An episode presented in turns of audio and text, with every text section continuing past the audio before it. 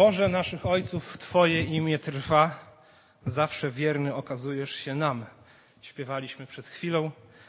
E, to nieprzypadkowo ta pieśń tuż przed kazaniem, bo chciałbym się na początku tego kazania odwołać do historii Kościoła i do historii naszego zboru. E, co jakiś czas e, właśnie gdzieś w kazaniach wplatamy tę historię Kościoła, która ma 2000 lat, historię zboru, który ma 150 lat, jeśli liczyć same początki tego zboru.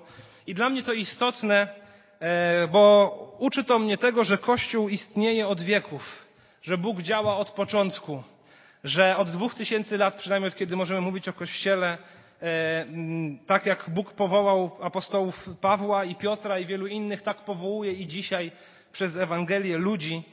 E, I my możemy przejąć to dziedzictwo, które oni wypracowali, te, te pokolenia, które są za nami. E, możemy e, jakoś starać się je pomnożyć, zaopiekować i to dziedzictwo wiary przekazywać dalej. Więc dla mnie bycie w Kościele jest częścią bycia wspaniałego organizmu wiary, rozsianego po całym świecie, który liczy dwa tysiące lat.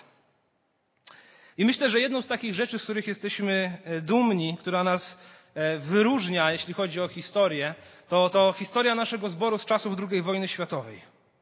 Co jakiś czas to przypominamy. Jesteśmy dumni z naszych zborowników, wspominając to, jak oni ratowali na przykład Żydów w czasie właśnie działań wojennych. Byli gotowi zapłacić życiem i niektórzy zapłacili życiem, bo uważali, że życie drugiego człowieka jest cenne i należy się o nie zatroszczyć i je pielęgnować. Wspominaliśmy to szerzej niedawno E, gdy umarł brat Eugeniusz Dąbrowski, przypominaliśmy tę historię.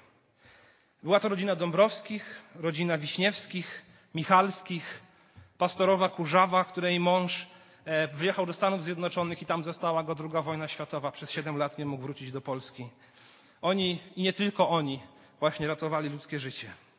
Jest to dziedzictwo, które myślę, że nas, młodszych zborowników, napawa dumą taką, w tym takim zdrowym tego słowa znaczeniu, że jesteśmy częścią e, zboru, który w krytycznym momencie stanął na wysokości zadania i w posłuszeństwie Bogu ratował ludzkie życie. Myślę też, że kiedy patrzymy na historię, to możemy powiedzieć, że jest nam wstyd za kościoły protestanckie, które nie potrafiły tego zrobić, które milczały, gdy naziści szerzyli swoje idee, gdy Hitler doszedł do władzy i wiele kościołów nie miało odwagi przeciwstawić się temu, co on głosił o wyższości jednych ludzi nad drugimi. Za bohatera uważamy innymi pastora Dietricha Bonhoeffera. Myślę, że to nazwisko, które gdzieś tam może się zetknęliście z nim. To pastor luterański, który nie zgodził się na to, aby Kościół głosił to, co nakazywał mu ówczesny mainstream kulturowy. Nie zgodził się e, na, na cenzurę, a, a, a wiele zborów, na przykład baptystycznych, poddało się temu i popierało Hitlera. Więc jest nam, myślę, że wstyd za bierność, za szukanie filozoficzno-teologicznych wymówek do tego, aby się jasno nie opowiedzieć po stronie Pisma Świętego. Być może jest nam wstyd za ciche przyzwolenie i pasywną postawę ludzi wierzących, a jeszcze bardziej za tych, którzy dołączyli się do zwolenników Hitlera. To tylko jeden epizod z historii Kościoła, z jeszcze z niedawnej historii nawet naszego zboru. Zastanawiam się, co będzie z nami. Jak nas oceni historia, jak nas, Kościół w Polsce w 2021 roku ocenią pokolenia, które przyjdą ona, po nas. Jak będą na nas patrzeć za 30, za 50 czy za 70 lat. Jak nas ocenią nasze dzieci i wnuki, kiedy spojrzą na te dzisiejsze czasy. Drodzy, chciałbym dzisiaj dotknąć tematu, który już od dłuższego czasu, nad którym od dłuższego czasu e, e, pracuję. Czekałem na to, aż trochę kurz opadnie. Chciałbym dzisiaj dotknąć tematu aborcji. W ostatnich miesiącach e, bardzo dużo się o niej mówiło w Polsce. Wiele osób, były ogromne protesty, wiele osób gdzieś do nich dołączało albo w ciszy popierało. A jestem przekonany, że aborcję można nazwać współczesnym Holokaustem. E, I to będzie trochę dłuższe kazanie. Chciałbym Was zachęcić do wysłuchania w całości. Być może mamy już jakieś utarte schematy, jakieś poglądy, coś nam, e, coś nam świta. Chciałbym Was zachęcić do wysłuchania całości i, i zweryfikowania w oparciu o to, co mówi Pismo Święte. W tym krytycznym momencie, w jakim wierzę, znajduje się Kościół i również nasz kraj. Jedna ze stron medycznych w Polsce, znalazłem tam taką informację, napisano, że aborcja jest najczęściej wykonywanym zabiegiem medycznym na świecie. Zabiegiem medycznym, to ciekawe określenie. E, szacuje się, że w ciągu roku 50 milionów rocznie dzieci jest e, abortowanych. 50 milionów rocznie. To daje około 140 tysięcy dzieci dziennie. Dla porównania powiem, że przez 6 lat II wojny światowej na wszystkich frontach wojennych i w obozach zagłady zginęło 60 milionów. Przez 6 lat na wszystkich frontach 60 milionów, w naszych czasach 50 milionów co roku dzieci. Stąd uważam aborcję właśnie za współczesny Holokaust. Jedyna różnica jest taka, że wskutek aborcji co roku ginie 10 razy mniej ludzi niż zginęło w obozach zagłady przez całą wojnę. A ofiary aborcji, którymi są dzieci, nie mają możliwości ani walki, ani ucieczki, a sam proces aborcji jest dużo brutalniejszy i bolesny dla nich niż śmierć, na przykład w komorach gazowych. Poza tym ofiarami aborcji są również tysiące kobiet cierpiące na syndrom poaborcyjny, które żałują swojej decyzji. I podczas gdy organizacje promujące aborcję mówią, że nie istnieje coś takiego jak syndrom poaborcyjny, że aborcja nie różni się niczym od usunięcia zęba czy wyrostka robaczkowego, to wystarczy porozmawiać z psychologami, których odwiedzają tysiące właśnie kobiet z takimi problemami, które żałują i mają wyrzuty sumienia i nie potrafią sobie poradzić z tym, że je oszukano, e, że doznają wolności, a doznają ogromnych wyrzutów sumienia. Szacuje się, że w Polsce w podziemiu aborcyjnym dokonuje się pomiędzy 150 a 200 tysięcy aborcji w ciągu roku. Czyli jest to liczebność miasta Olsztyn. I kilka miesięcy temu właśnie mogliśmy oglądać e, miliony ludzi, którzy wyszli na ulice polskich miast w ramach protestów, które wybuchły po orzeczeniu Trybunału Konstytucyjnego, który ogłosił, że przerywanie życia ciężko chorego dziecka przez aborcję jest niezgodne z konstytucją.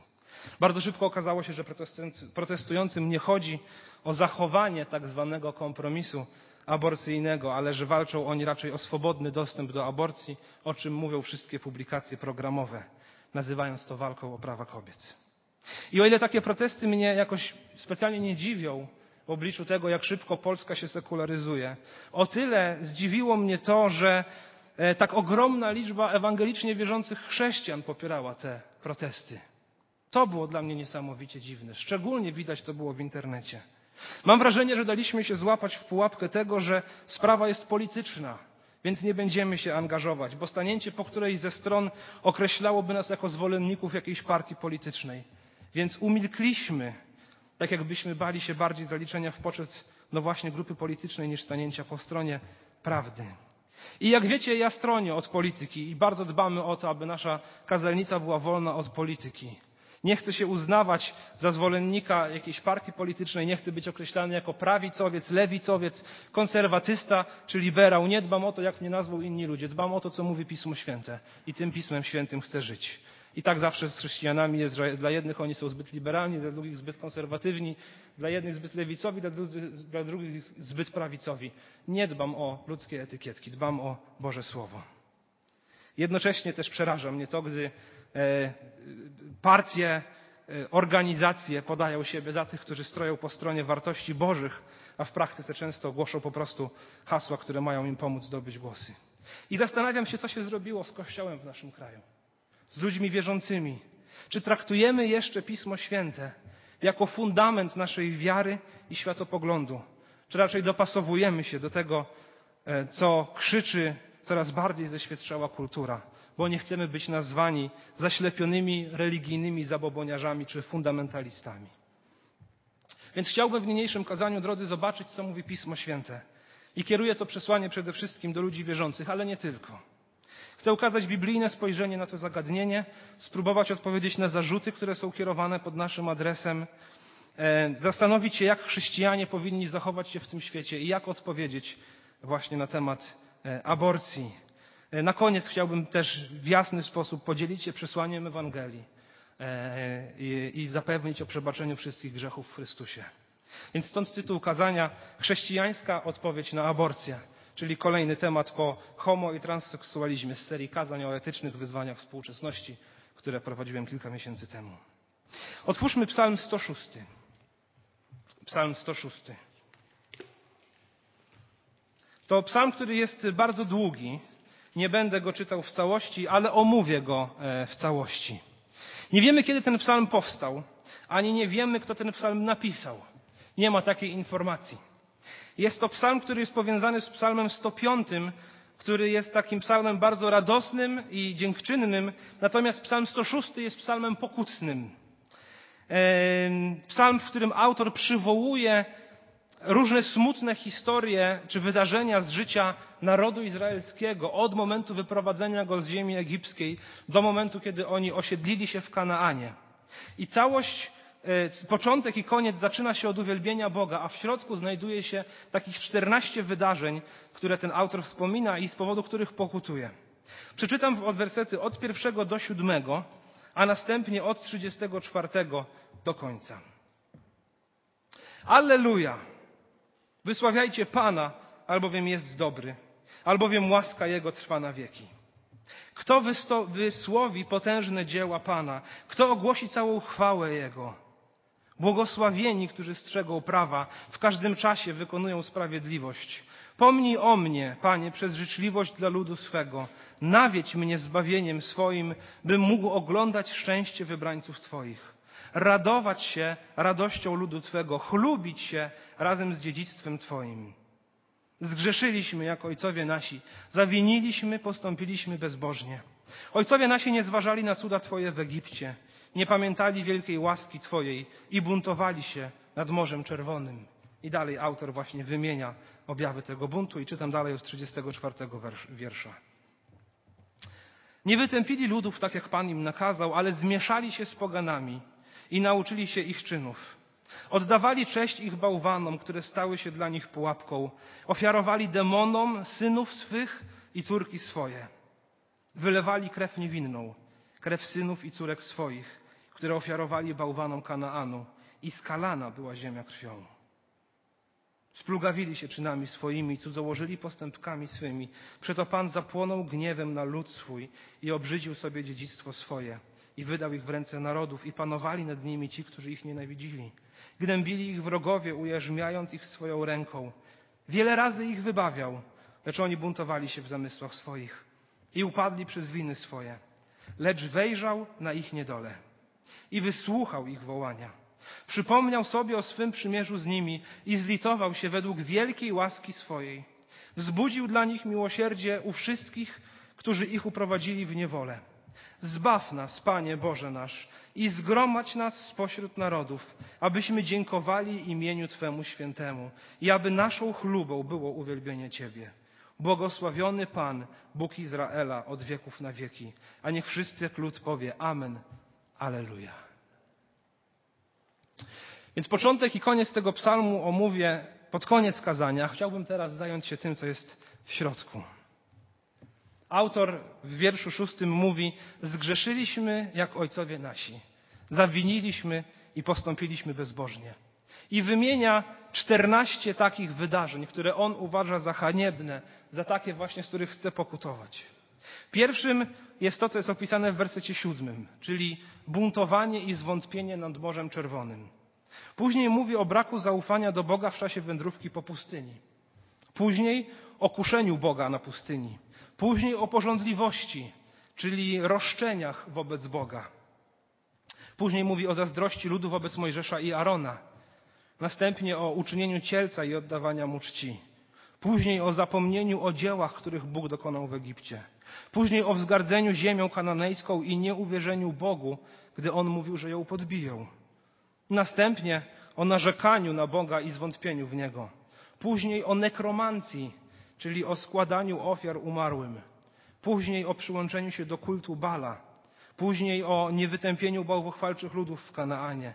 Później o zmieszaniu się z poganami i postępowaniu tak jak oni. I na samym końcu mówi o ofiarowaniu swoich dzieci demonom i składaniu dzieci w ofierze. Absolutnie przerażająca lista.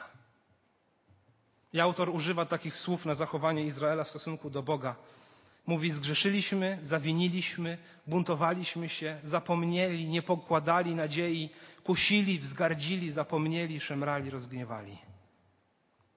I co jakiś czas Bóg zsyłał, e, karał ich za to zachowanie, a przewinień było wiele, ale te, które e, widać też taką, że od początku do końca, chociaż jest to wymienione chronologicznie, to wydaje się, że ciężar tych grzechów jest coraz większy że zaczyna się od zwątpienia nad Morzem Czerwonym, A później idąc coraz dalej i dalej, zaczyna się bałwochwalstwo, pełne nieposłuszeństwo Bogu, związanie się z tamtejszą kulturą kananejską i na samym końcu to, że oni zaczęli składać e, ofiary z dzieci obcym bóstwom.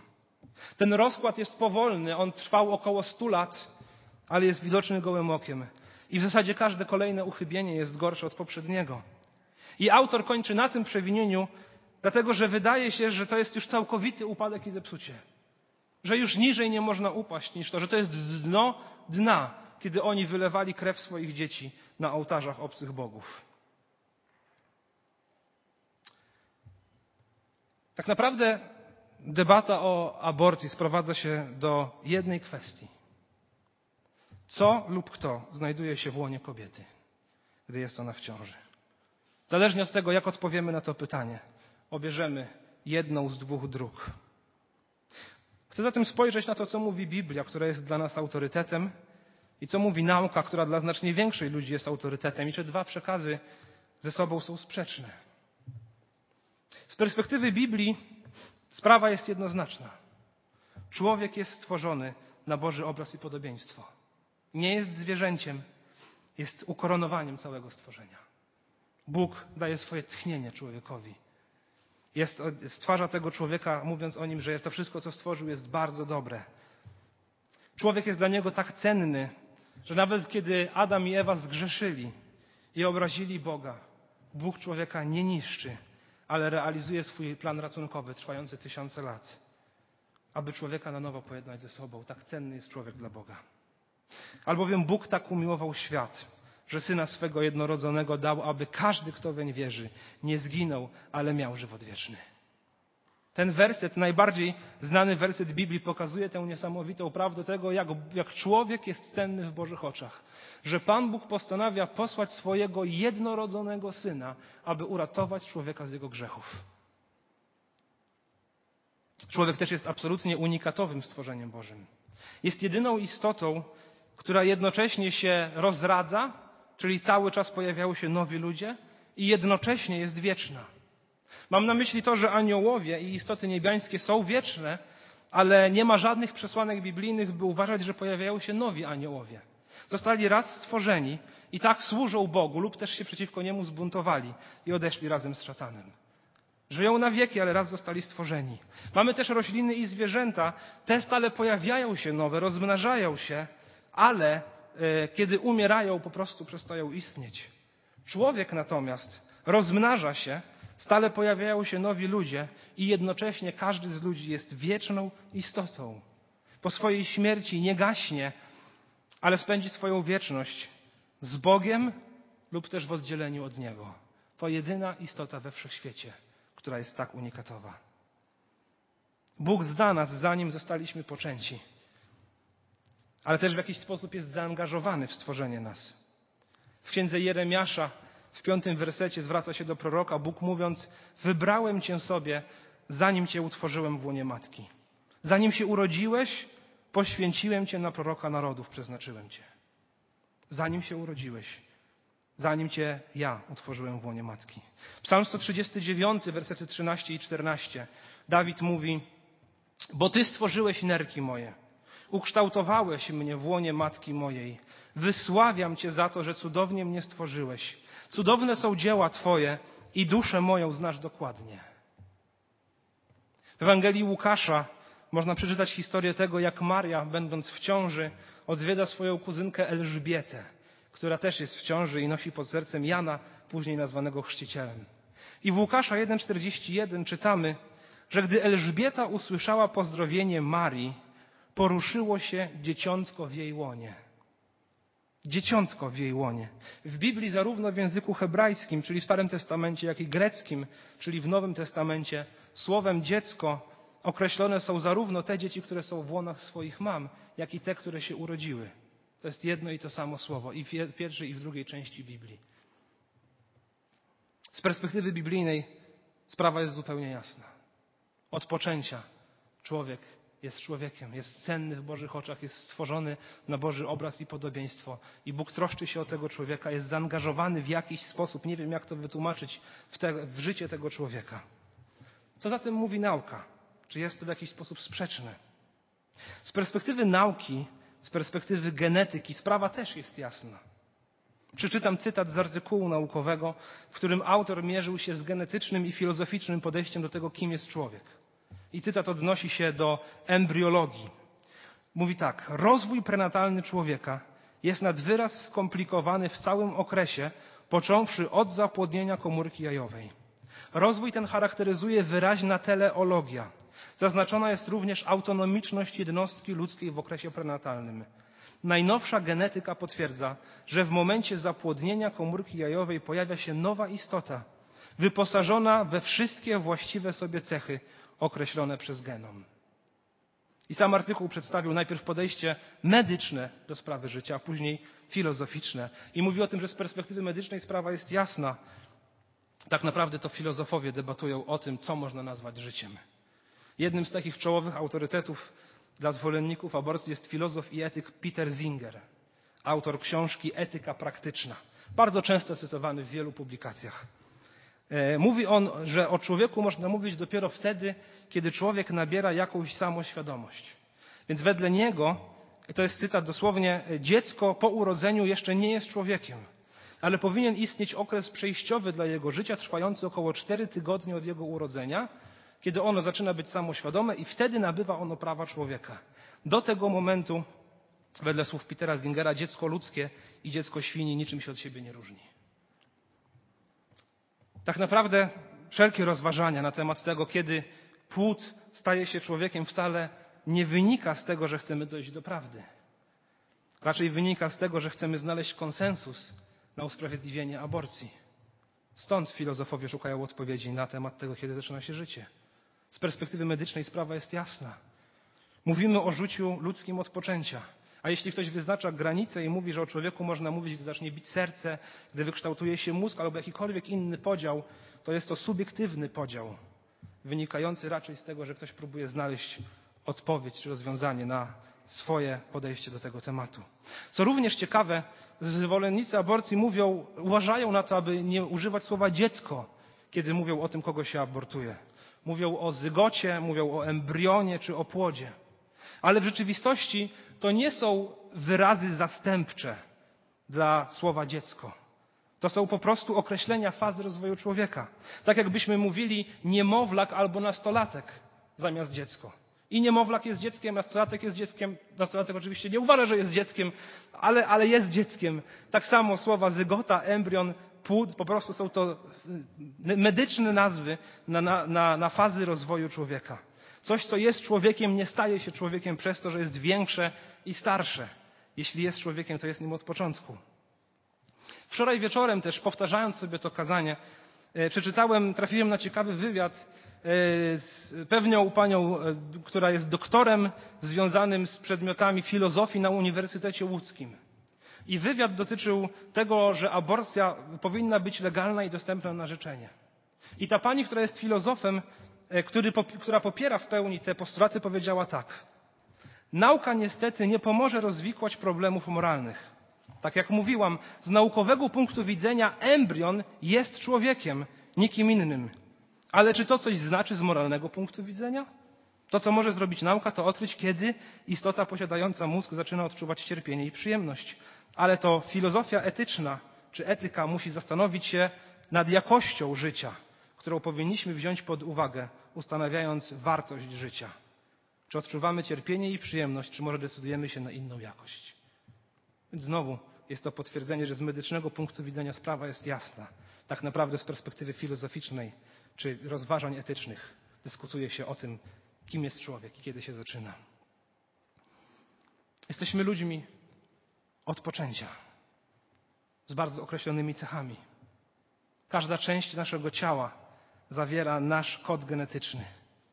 Ale dziecko w łonie matki ma inny kod genetyczny. Jeśli wziąć zygotę, czyli zapłodnione jajeczko Chinki i umieścić je w ciele Szwedzki, tak działają przecież surogatki, że, że zapłodnione, zapłodnioną komórkę jajową e, zewnętrznie umieszcza się w ciele innej kobiety, aby ona to, kobiety, to dziecko urodziła. To czasami, słuchajcie, jak celebryci e, mają właśnie na to pieniądze i coś takiego robią, aby samemu nie rodzić, ale aby to dziecko urodził ktoś inny. Jeśli umieścić to jajeczko w ciele innej kobiety, na przykład dziecko Chińczyków umieścić w łonie Szwedki, to dziecko, które się urodzi, nie będzie miało nic wspólnego z tą Szwedzką, ale w całości jego kod genetyczny będzie pochodził właśnie od tych jego biologicznych rodziców. Więc to nie jest jej ciało, ale to jest odrębna istota ludzka, którą nosi w swoim ciele. Zwolennicy, zwolennicy aborcji krzyczeli na ulicach polskich miast aborcją, aborcja prawem kobiety.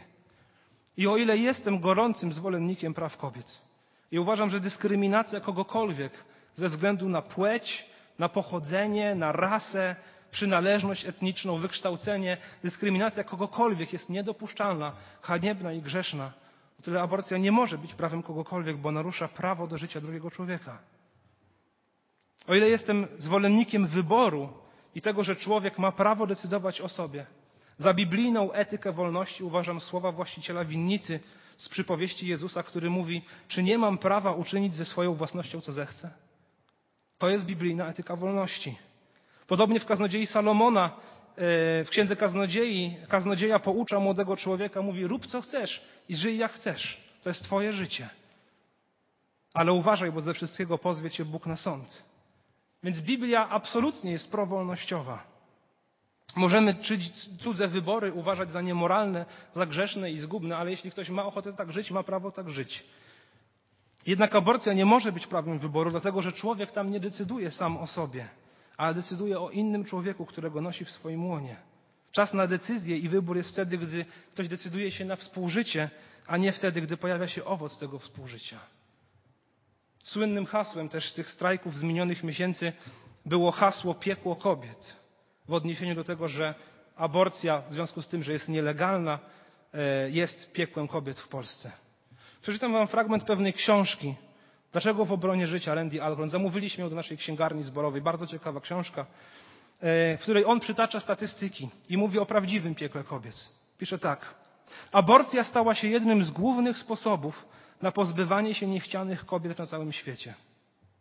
Badanie przeprowadzone w wielu wioskach w Indiach ujawniło przerażające statystyki. W całej populacji 10 tysięcy dzieci było tylko 50 dziewczynek. A zgodnie ze statystyką powinno być ich tyle co chłopców. W Bombaju, jeśli testy diagnostyki prenatalnej wykazywały, że dziecko jest płci żeńskiej, zabijano je. Z powodu aborcji ze względu na płeć, dwie trzecie dzieci, które rodzą się obecnie w Chinach, to chłopcy. Na wsi proporcja chłopców do dziewczynek wynosi 4 do 1. To jest prawdziwe piekło kobiet. Tych małych, tych jeszcze nienarodzonych. Jak podaje autor tej publikacji, nie może być mowy o równych prawach dla wszystkich kobiet, dopóki nie ma równych praw również dla nienarodzonych kobiet. I niektórzy chrześcijanie mówią, ale to są nasze chrześcijańskie poglądy. Nie każdy jest chrześcijaninem, więc nie możemy innym narzucać naszego poglądu. Tylko, że to wcale nie są stricte chrześcijańskie poglądy. Są one wyznawane również przez wielu ludzi, którzy wcale chrześcijanami nie są. Nie trzeba być chrześcijaninem, aby podzielać ten pogląd. Poza tym, jeśli mówimy, to jest nasza chrześcijańska moralność, nie możemy jej narzucać innym, to czy tak samo mówimy na przykład o kradzieży? Uważam, że kradzież to zło, ale nie każdy jest chrześcijaninem, więc nie musi podzielać moich poglądów. Albo uznaje niewolnictwo za zło. Ale nie każdy musi podzielać moje poglądy i nie możemy narzucać innym tego, naszej moralności, zakazywać niewolnictwa. Albo uważam antysemityzm za zło, ale nie każdy jest chrześcijaninem, więc nie mogę mówić innym o tym, co jest dobre i złe. Albo pragniemy życia w sprawiedliwym państwie, które mówi jasno o krzywdzeniu innych.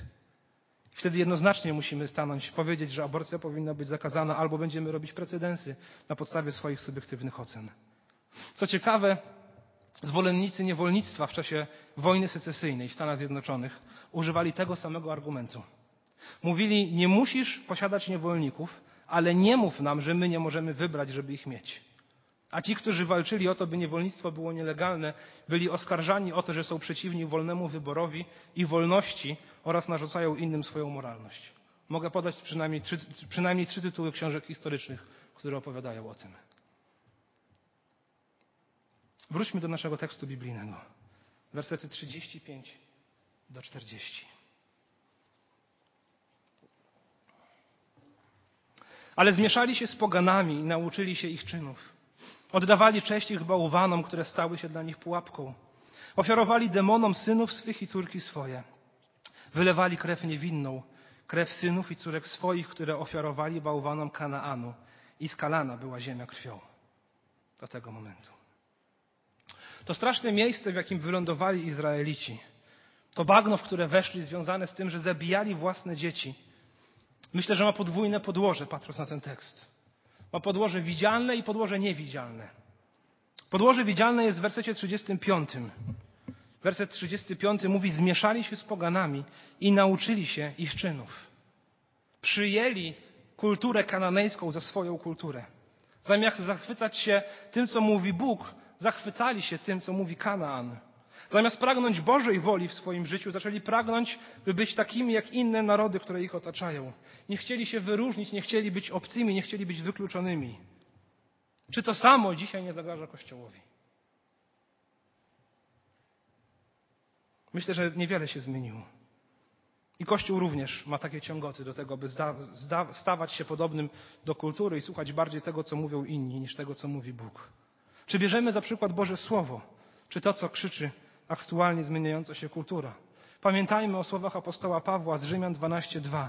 A nie upodabniajcie się do tego świata, ale się przemieńcie przez odnowienie umysłu swego, abyście umieli rozróżnić, co jest wolą Bożą, co jest dobre, miłe i doskonałe.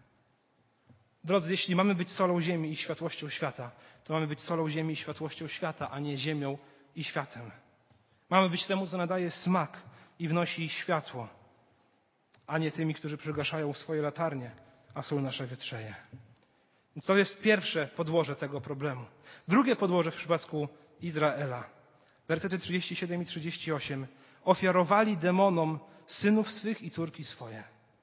Wylewali krew niewinną, krew synów i córek swoich, które ofiarowali bałwanom Kanaanu. I skalana była ziemia krwią. Ten rytuał składania dzieci w ofierze był rytuałem na cześć Molocha czy Bala. Różnie, zależnie od tych, jakie czasy przyszły, różnie tego y, bożka nazywano. Ale tak naprawdę werset 37 mówi o tym, komu te dzieci ofiarowano. Nie Baalowi i Molochowi. Ofiarowali demonom, synów swoich i córki swoje. Bo tak naprawdę to są sprawy demoniczne. I nie jest to tylko zło w sensie etycznym, ale zło wręcz wcielone, duchowe. I nie mam najmniejszych wątpliwości, że jeśli jest ktoś, kto cieszy się z procederu aborcji, komu zależy na tym, aby ten proceder trwał i był wręcz celebrowany, to jest to szatan i całe zastępy demoniczne. I z pewnością nie jest to Boże. A jeśli nie jest Boże, to czyje? Bo w świecie duchowym nie ma szarej strefy, nie ma ziemi niczyjej. Albo coś jest Bożą wolą, albo coś jest wolą diabelską. A komu jak komu? I kto jak kto? Ale dzieci mają szczególne miejsce w Bożym sercu.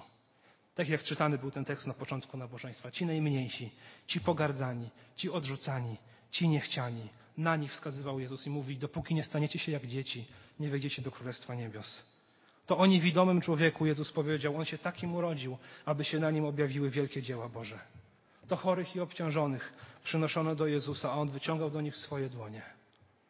A nasza kultura dzisiaj chętnie by się ich pozbyła, byleby tylko łatwo i dobrze nam się wiodło. To nie jest Boże myślenie. To jest absolutnie diabelskie myślenie.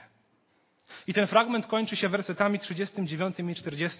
Splugawili się czynami swoimi i co założyli postępkami swymi. Przeto Pan zapłonął gniewem na lud swój i obrzydził sobie dziedzictwo swoje.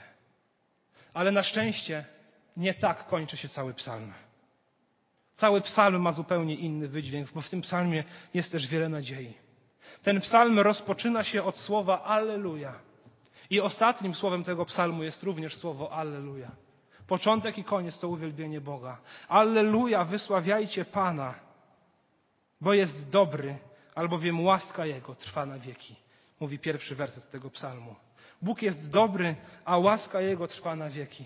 Jak mówi werset 24, lecz Bóg wejrzał na ich niedolę, na niedolę Izraela i wysłuchał ich wołania. Co to za wołanie? Werset 47. Zbaw nas, Panie nasz Boże. Więc chcę dzisiaj też powiedzieć o tym, że chociaż aborcja z perspektywy biblijnej jest strasznym grzechem, z perspektywy medycznej jest również przerwaniem ludzkiego życia. Odbywa się w bardzo brutalny i bardzo bolesny sposób. Choć jest to rzecz absolutnie grzeszna i zła, to chcę też powiedzieć, że nie ma takiego grzechu, którego Bóg nie mógłby przebaczyć. I być może zmagasz się dzisiaj z tym, że dokonałaś aborcji. Może zmagasz się z syndromem poaborcyjnym, kiedy patrzysz na małe dzieci dookoła ciebie, zastanawiasz się, jak wyglądałoby twoje dziecko. Chcę ci powiedzieć, jest dla ciebie ratunek. I jest dla ciebie ukojenie. I jest ukojenie dla twoich wyrzutów sumienia.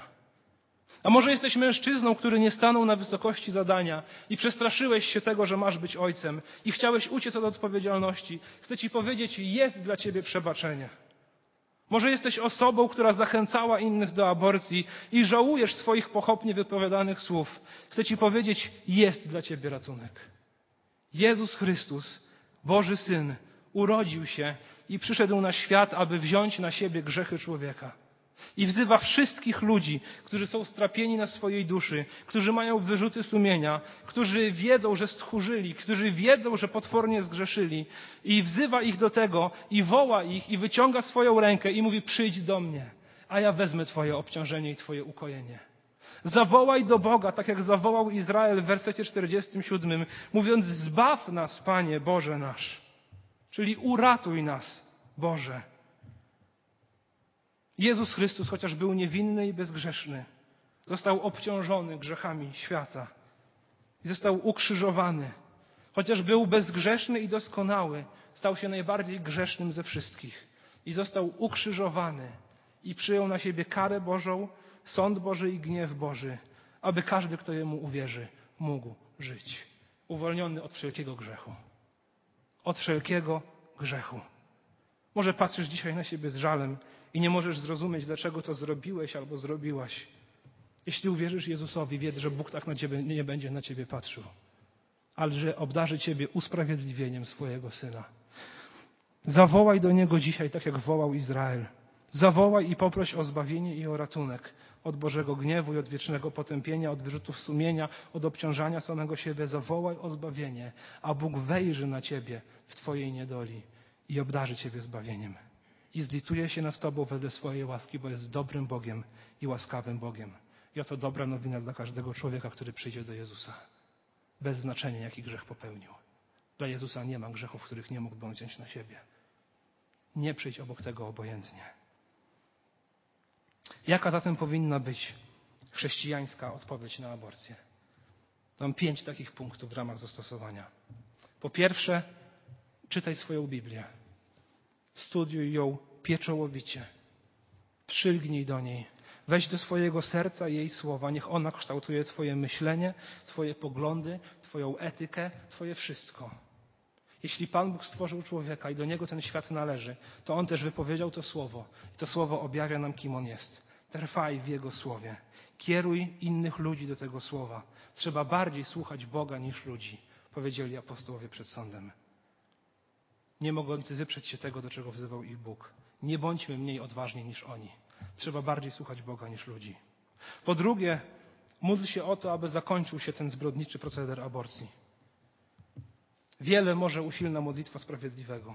W jednym z okien przy wejściu do naszej kaplicy w rogu wisi taka duża naklejka. Pray to end abortion, czyli módl się o zakończenie aborcji.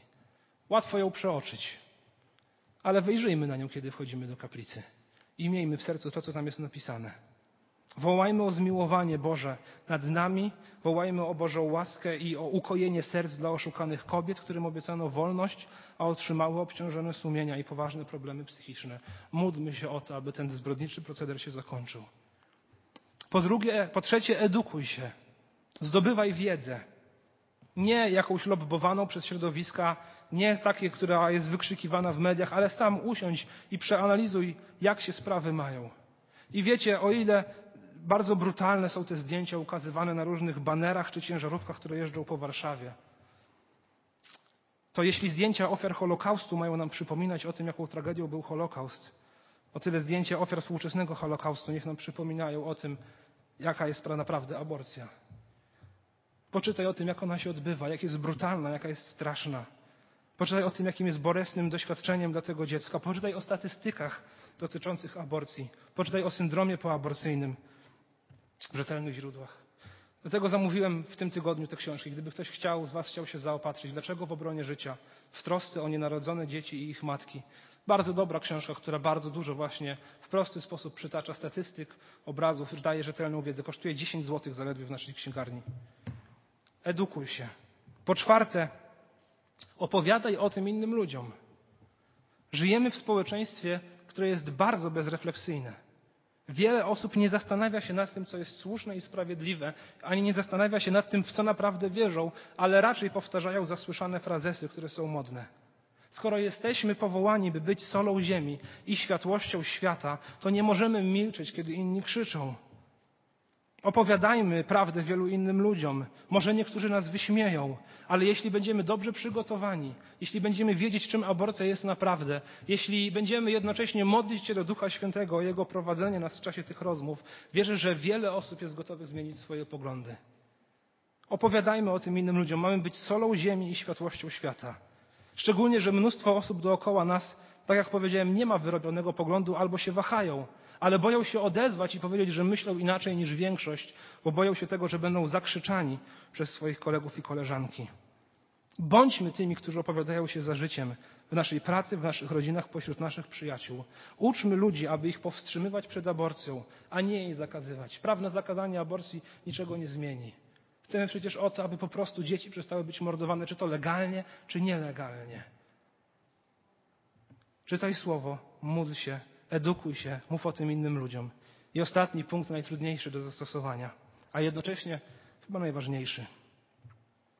Nieśmy praktyczną pomoc. Nieśmy praktyczną pomoc dla kobiet, które cierpią na syndrom poaborcyjny. Jeśli znasz taką kobietę, zachęć ją, aby skorzystała na przykład z naszej poradni psychologicznej Ugruntowani. Tam może znaleźć prawdziwe wsparcie, tam może znaleźć empatię i tam może znaleźć też dobre rozwiązania dla swoich problemów i usłyszeć Ewangelię. Zastanów się też nad tym, czy w Twoim domu nie ma wolnego pokoju albo wolnego łóżka, a w Twoim sercu wolnego miejsca, aby pokochać jeszcze jedno dziecko. Żyjemy w pięknych domach i w pięknych mieszkaniach, w których jest wiele miejsca. Kto inny, jak nie my, ma troszczyć się o te dzieci, które się urodziły i ich mamy były na tyle odważne, aby je urodzić, ale je zostawiły. Kto inny ma te dzieci przygarniać, jak nie my? My, którzy sami zostaliśmy adoptowani przez Boga, jak mówili z do Efezjan, bo nie byliśmy Jego dziećmi, ale przez Ewangelię staliśmy się Jego dziećmi, więc On nas zaadoptował przez swoją łaskę. My, którzy poznaliśmy smak tego, co to znaczy być zaadoptowanym przez najwspanialszego Ojca. Kto inny ma te dzieci przygarniać, jak nie my? Być po stronie życia to nie znaczy walczyć tylko o to, żeby kobiety rodziły dzieci. To znaczy też zatroszczyć się o te dzieci, które zostały porzucone i oddane. Pomyśl o tym, módl się o to. Czy Pan Bóg nie powołuje Ciebie do tego, aby, aby jakieś dziecko adoptować? Może, aby stać się rodziną zastępczą. To jest trudny proces, ale kto ma to robić, jak nie chrześcijanie?